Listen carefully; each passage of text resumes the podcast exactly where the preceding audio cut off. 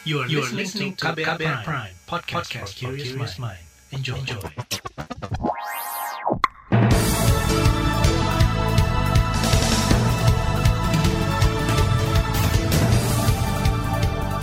Selamat pagi saudara, inilah Buletin Pagi edisi 15 Januari 2021 dan saya Reski Mesanto.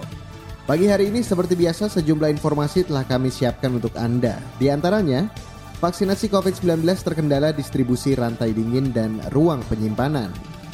Presiden minta PPA tiket lusuri rekam jejak keuangan calon pejabat publik dan Pemkot Solo tunda penyaluran bansos tunai. Dan saudara inilah Buletin Pagi selengkapnya. Terbaru di Buletin Pagi. Saudara, Kementerian Kesehatan mengungkapkan sejumlah kendala terkait program vaksinasi COVID-19 di tahap pertama. Di antaranya soal distribusi rantai dingin dan kapasitas penyimpanan vaksin di daerah. Akibatnya ada sejumlah daerah yang belum menerima vaksin seperti di Sumatera Utara dan Sumatera Selatan. Juru bicara vaksin COVID-19 dari Kementerian Kesehatan, Siti Nadia Tarmizi mengakui adanya miskoordinasi dengan pemerintah daerah terkait distribusi dan penyimpanan vaksin COVID-19 produksi Sinovac, Cina. Nah, mereka tidak menyampaikan bahwa akan ada logistik lain yang akan mereka simpan uh, selain uh, vaksin rutin yang uh, selama ini sudah ada. Jadi kita uh, miss di sana.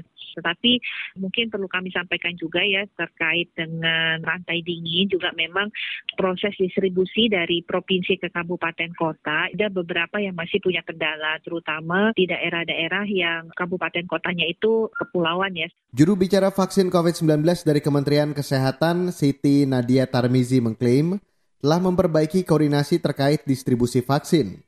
Caranya, kata dia dengan mendorong daerah mendistribusikan logistik lain yang memenuhi gudang penyimpanan vaksin. Selain itu, Kemenkes juga akan melibatkan swasta untuk distribusi vaksin COVID-19 tahap selanjutnya.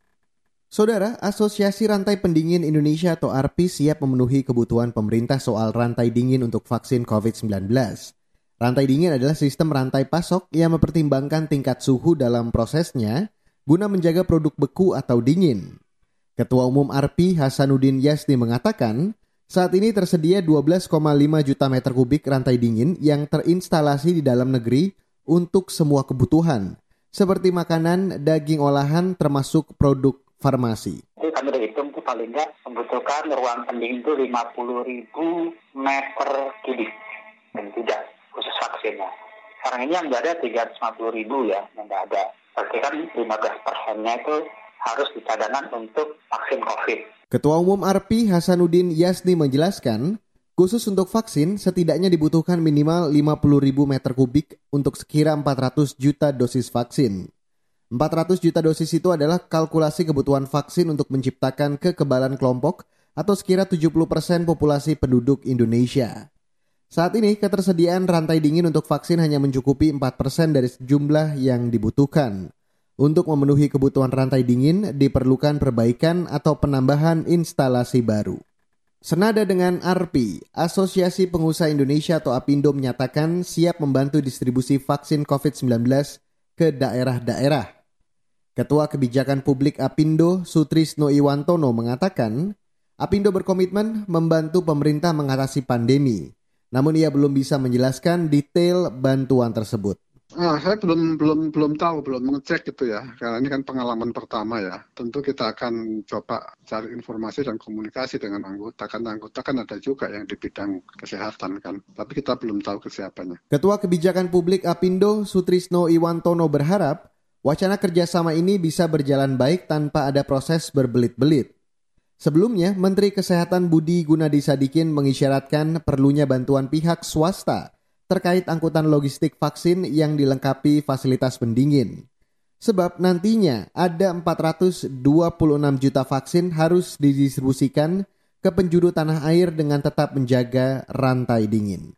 Saudara Ketua Riset Uji Klinis Vaksin COVID-19 Kusnadi Rusmil menjelaskan, distribusi vaksin memerlukan jaminan penyimpanan rantai dingin. Jika tidak, kualitas vaksin COVID-19 CoronaVac buatan Sinovac akan rusak. Ya, dia akan rusak sehingga daya imunogenitasnya untuk membentuk antibodi akan berkurang. Jadi tidak akan membentuk kekebalannya akan berkurang. Hmm. Ya ter- tergantung mereknya kan. Ada yang di ada yang ditaruh 2 sampai 8 derajat Celcius ada Sinovac, ada yang juga yang eh, minus 20, ada juga minus yang 70. Nah, Sinovac itu ya, yang udah biasa 2 sampai 8 derajat Celcius. Menurut Ketua Riset Uji Klinis Vaksin COVID-19 Kusnadi Rusmil, vaksin COVID-19 dari Sinovac masih bisa didistribusikan sampai ke tingkat kecamatan atau puskesmas. Kata dia, dokter hingga perawat puskesmas sudah terbiasa menangani vaksin lain, misalnya untuk keperluan imunisasi bayi. Berbeda dengan vaksin COVID-19 produksi Pfizer atau Moderna, kemungkinan hanya bisa tersimpan di kota-kota besar karena memiliki fasilitas untuk itu. Saudara tim DVI Mabes Polri serahkan jenazah Sriwijaya Air kepada keluarga. Informasi selengkapnya akan kami hadirkan sesaat lagi. Tetaplah di Buletin Pagi KBR. You're listening to KBR Pride, podcast for curious mind. Enjoy!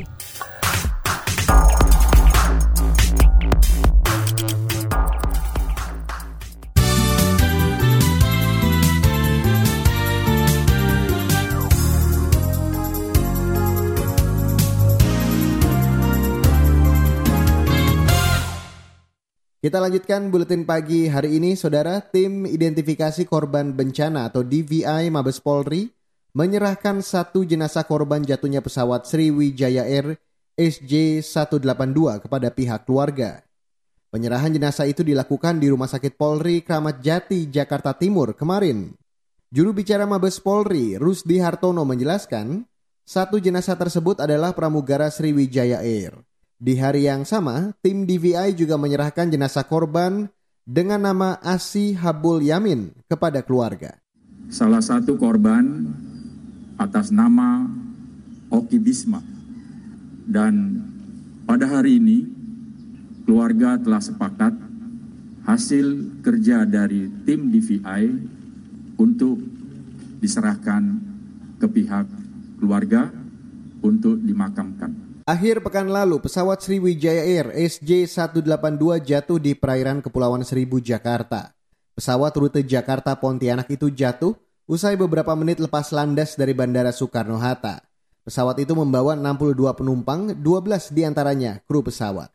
Beralih ke informasi lain, Saudara, Presiden Joko Widodo memerintahkan Pusat Pelaporan dan Analisis Transaksi Keuangan atau PPATK menelusuri rekam jejak keuangan calon pejabat publik. Hal itu dilakukan guna membantu upaya pemberantasan korupsi. Ini disampaikan Jokowi dalam rapat koordinasi tahunan mengenai pencegahan dan pemberantasan tindak pidana pencucian uang dan tindak pidana pendanaan terorisme tahun 2021 yang disiarkan virtual kemarin.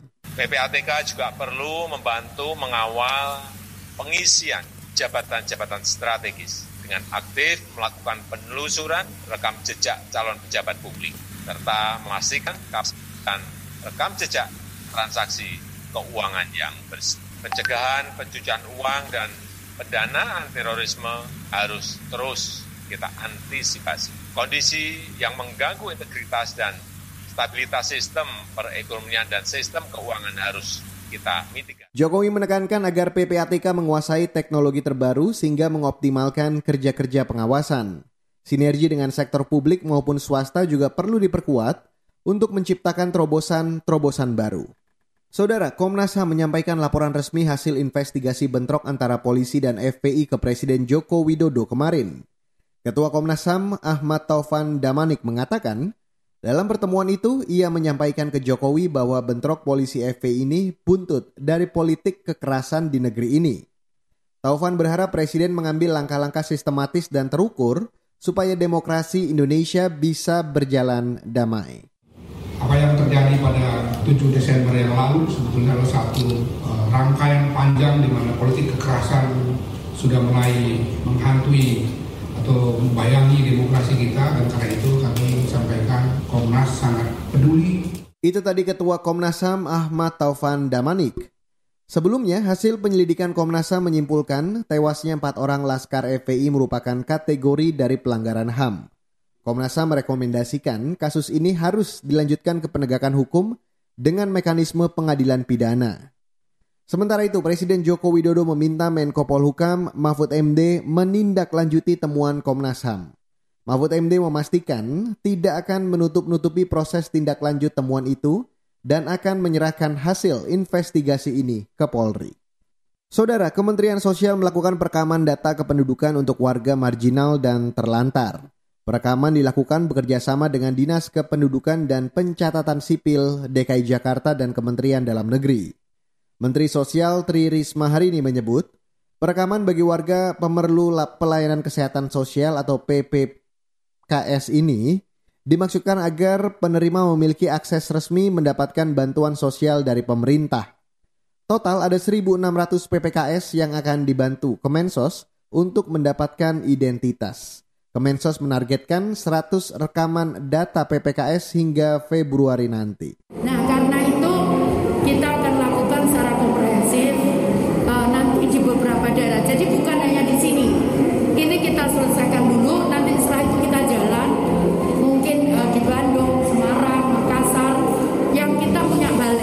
Kementerian Sosial membagi lima klaster warga pemerlu pelayanan kesejahteraan sosial atau PPKS untuk program rehabilitasi sosial. Lima klaster itu adalah korban penyalahgunaan nafsa, lanjut usia, penyandang difabel, klaster anak dengan sejumlah kategori, dan tuna sosial serta korban perdagangan orang. Saudara Komisi yang memidangi hukum DPR menilai transaksi keuangan calon tunggal Kapolri Listio Sigit Purnomo masih wajar.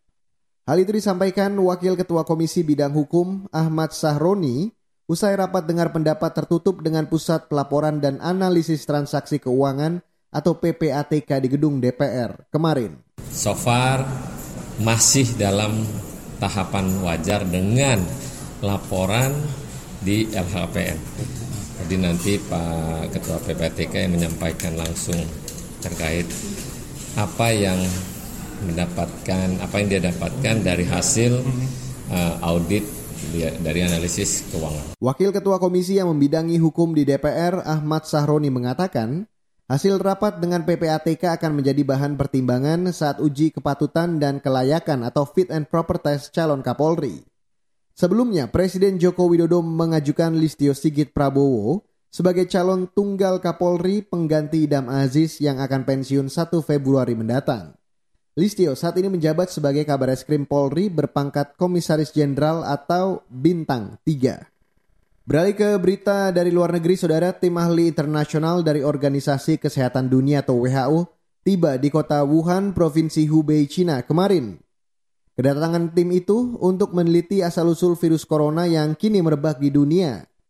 Tim tersebut terlebih dahulu akan dikarantina selama dua pekan sebelum diizinkan terjun ke lapangan. Tim WHO sempat tidak mendapat izin masuk dari Presiden China Xi Jinping. Penolakan tim tersebut kemudian dikritik Organisasi Kesehatan Dunia atau WHO. Dari Amerika Serikat, saudara, sidang pemakzulan Presiden Donald Trump tidak akan dimulai hingga 19 Januari mendatang. Pemimpin mayoritas Senat Amerika, Mitch McConnell menyebut, Kongres lebih baik menghabiskan waktu untuk fokus memfasilitasi pelantikan Presiden terpilih Joe Biden. Sebab pelantikan Joe Biden sebagai Presiden Amerika rencananya akan berlangsung 20 Januari 2021. Usulan pemakzulan sendiri tak lepas dari kericuan di gedung Capitol Hill pada pekan lalu. Masa pendukung Donald Trump yang tak puas dengan hasil Pilpres Amerika Serikat menyerbu gedung tersebut.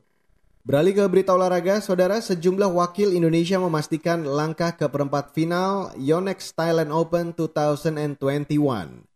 Di nomor tunggal putra ada Jonathan Christie dan Anthony Ginting, sementara tunggal putri Indonesia lainnya Sesa Sementara tunggal putra Indonesia lainnya Cesar Rustavito ditumbangkan pebulu tangkis asal Taiwan Cho Tin Chen. Selain tunggal putra, ganda putra Muhammad Ahsan dan Hendra Setiawan, ganda putri Gracia Poli dan Apriani Rahayu serta ganda campuran Indonesia Praven dan Melati juga memastikan lolos ke perempat final. Babak perempat final turnamen Thailand terbuka 2021 akan digelar hari ini, waktu setempat. Saudara, laporan khas KBR tentang kebiri kimia dan perlindungan anak dari predator seksual akan segera kami hadirkan. Tetaplah di Buletin Pagi. You're listening to KBR Pride, podcast for curious mind. Enjoy!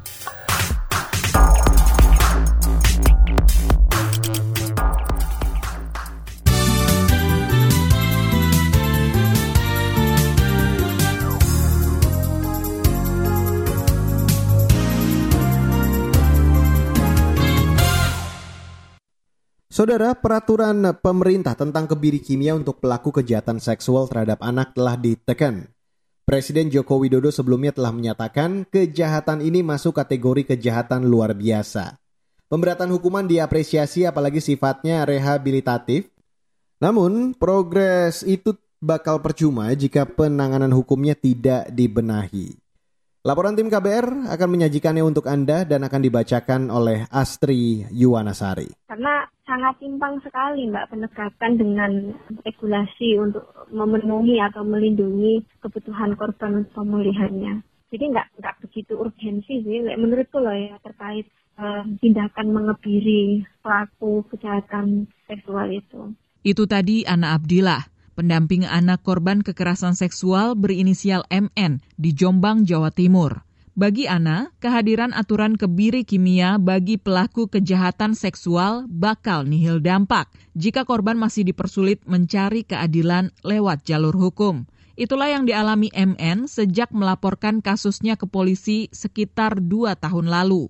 Pelakunya adalah putra kiai sebuah pondok pesantren besar di Jombang, tempat MN pernah menimba ilmu pada 2017 silam. Sampai kini progres kasusnya masih stagnan. Cuma yang pasti di bulan November itu sudah P19 tiga kali. Mm-hmm. Dari bulan Maret sampai dengan November itu bolak-balik berkas perkara itu sampai tiga kali dan di situ ada beberapa petunjuk yang diminta jasa penuntut umum untuk bisa dipenuhi oleh penyidik Polda itu penyidik masih kesulitan untuk untuk bisa memenuhi permintaan dari jasa penuntut umum. Ana menilai aparat tak serius dalam menangani kasus. Terbersit pula kecurigaan ada pengaruh kuat dari pesantren. Apalagi ada upaya pelaku untuk mengajak berdamai, tapi tegas ditolak MN. Beberapa santriwati lain yang pernah menjadi korban mundur teratur karena mendapat ancaman korban ini ada di situasi sering kali di lobi-lobi sama pihak tersangka didatangi rumahnya, diminta untuk mencabut laporan, ditawari beberapa opsi-opsi untuk damai. Nah itu yang menurut kami sangat penting untuk diperhatikan ini adalah e, keamanan korban. Gitu. Walaupun korban sudah dilindungi sama LPSK, tapi dalam perlindungannya ini apa ya hukum acara kita itu belum bisa mengakomodir situasi rentan korban gitu. Menurut Ana, seberat apa pun ancaman hukuman terhadap terhadap pelaku bakal sia-sia jika aparat tidak berpihak pada korban. Fonis pidana, bahkan dengan tindakan kebiri kimia, hanya bisa dijatuhkan apabila masuk pengadilan. Sementara banyak kasus seperti MN yang dipersulit masuk tahap penuntutan. Kementerian Pemberdayaan Perempuan dan Perlindungan Anak mengakui penanganan kasus kekerasan seksual terhadap anak masih terbentur banyak kendala, apalagi jika pelakunya adalah tokoh berpengaruh. Hal ini makin diperparah dengan rendahnya kapasitas penegak hukum. Asisten Deputi di Kemen PPPA Ciput Eka Puruyanti kami di Kementerian PPPA dan juga Kementerian Hukum dan HAM, Kejaksaan Agung, Mahkamah Agung sebetulnya sudah berkolaborasi sekian tahun untuk melakukan pelatihan secara terpadu bagi seluruh aparat penegak hukum. Namun karena keterbatasan, pelatihan ini setiap tahun kita cuma bisa berapa uh, peserta ya. Jadi perlu juga kami memikirkan inovasi uh, bagaimana secara masif meningkatkan kapasitas para aparat penegak hukum ini memiliki persepsi yang sama dalam uh, penanganan kekerasan terhadap perempuan dan anak. Ciput memastikan pemerintah terus berupaya memenuhi hak-hak korban. Di sisi lain, penanganan terhadap pelaku dengan pendekatan rehabilitatif diakomodasi, salah satunya lewat peraturan pemerintah tentang kebiri kimia. Tindakan kebiri untuk merehabilitasi pelaku sehingga tidak akan mengulangi perbuatannya. Hal ini juga bertujuan untuk melindungi anak-anak dari predator seksual. Yang pertama adalah tindakan kebiri kimia, kemudian tindakan pemasangan alat pendeteksi elektronik. Di PP ini mengatur juga ada satu aspek penting yaitu rehabilitasi pada pelaku. Yang ini sebuah quantum leap, lompatan yang sangat luar biasa, signifikan di Indonesia. Selama ini kita berfokus hukuman uh, pidana penjara pada pelaku tanpa mempertimbangkan adanya keperluan untuk rehabilitasi pada pelaku. Terbitnya PP Kebiri Kimia berperspektif rehabilitatif diapresiasi oleh konsultan Yayasan Lentera Anak, Riza Indragiri. Kata dia, aturan serupa juga sudah dipakai di banyak negara maju. dampaknya pada penurunan kejahatan seksual terhadap anak juga signifikan. Para predator yang dikebiri, tingkat residivismenya tanda ketik hanya mencapai kisaran angka 7 persen. Tapi sebaliknya, para predator seksual yang tidak dikebiri, tingkat pengulangan perbuatan jahatnya mencapai angka sekitar 50 persen. 7 dibanding 50 persen tentu laksana membandingkan langit dan bumi. Angka itu meyakinkan saya dan mudah-mudahan mengunci persepsi kita bahwa ada harapan besar ketika kebiri kimia diterapkan di Indonesia. Mudah-mudahan kemujarabannya, khasiatnya juga akan nyata. Demikian laporan tim KBR, saya Astri Yuwanasari. Saudara, informasi dari daerah akan kami hadirkan sesaat lagi. Tetaplah di Buletin Pagi KBR. Commercial break. Psikolog Tiffany Chandra menjelaskan ciri-ciri orang tua toksik karena ini kan toksik dan tidak toksik agak susah ya, ya bagi kita untuk membedakan terutama di budaya kita. Yang nggak boleh tuh kayak melawan orang tua. Memang kita ya, tuh ya. dari kecil dibiasakan orang tua soal benar. Memang kita udah terima itu sebagai suatu fakta. Betul, nah sulitnya bagi kita membedakan itu sehingga kebanyakan yang punya orang tua toksik tapi nggak sadar bahwa secara emosional mereka sudah di abuse karena mereka taunya memang yang namanya orang tua ya kayak gitu selalu benar. Yang salah pasti anaknya. Itu yang dikhawatirkan nanti nanti pasti pembelaannya ya kalau mama atau papa nggak sayang sama kamu nggak mungkin lah kamu disekolahin nggak mungkin lah dibeliin macem-macem gitu. Hmm. padahal mungkin secara emosional mereka memang mendapatkan abuse. Simak lengkapnya dalam podcast Disco Diskusi Psikologi. Episode menghadapi orang tua yang toksik di kbrprime.id atau platform mendengarkan podcast lainnya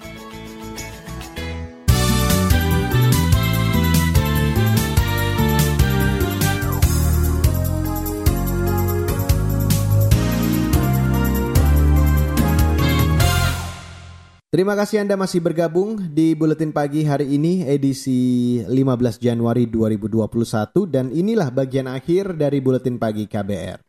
Kita ke Jawa Barat, Saudara. Tim Pencarian dan Penyelamatan atau SAR gabungan telah menemukan tiga korban meninggal akibat tertimbun longsor di Kecamatan Cimanggung, Sumedang, Jawa Barat.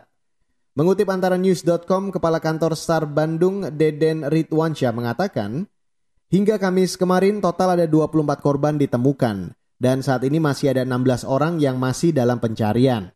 Akhir pekan lalu terjadi dua kali longsor di Dusun Bojong Kondang, Sumedang, Jawa Barat.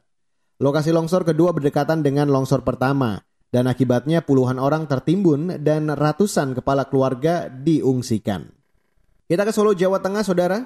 Pemerintah Kota Solo, Jawa Tengah menunda penyaluran bantuan sosial tunai. Informasi selengkapnya kita bergabung bersama kontributor KBR Yuda Satriawan. Yuda. Penyaluran bantuan sosial tunai atau BST dan bantuan pemerintah lainnya di Solo selama menjalani pemberlakuan pembatasan kegiatan masyarakat atau PPKM ditunda. Wali Kota Solo Adi Rudiatmo mengatakan penundaan selama masa PPKM untuk mencegah kerumunan massa. Tentunya ini ditunda bukan karena ada 9.000 yang terhapus atau 4.100 BPNPT yang terhapus, bukan. Tapi karena mulai dilaksanakan PPKM ditunda dulu. Nanti malah klaster BST itu orang miskin loh. Lebih lanjut Rudi mengungkapkan jika masa PPKM selesai, pemerintah akan kembali menyalurkan BST dan bantuan sosial sosial lainnya yang tertunda. Solo menjadi salah satu daerah di Indonesia yang menjalani PPKM selama 14 hari, yakni mulai 11 hingga 25 Januari. Dari Solo, Jawa Tengah, Yudha Satirawan, KBR. Dan saudara, informasi tadi menutup buletin pagi hari ini, 15 Januari 2021.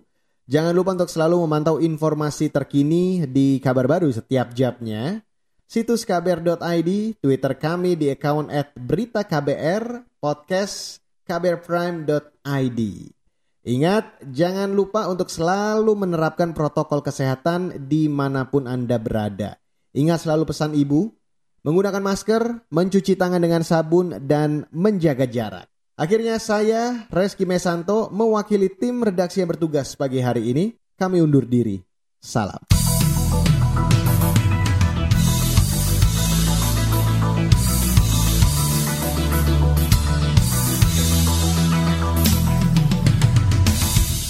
KBR Prime, cara asik mendengar berita.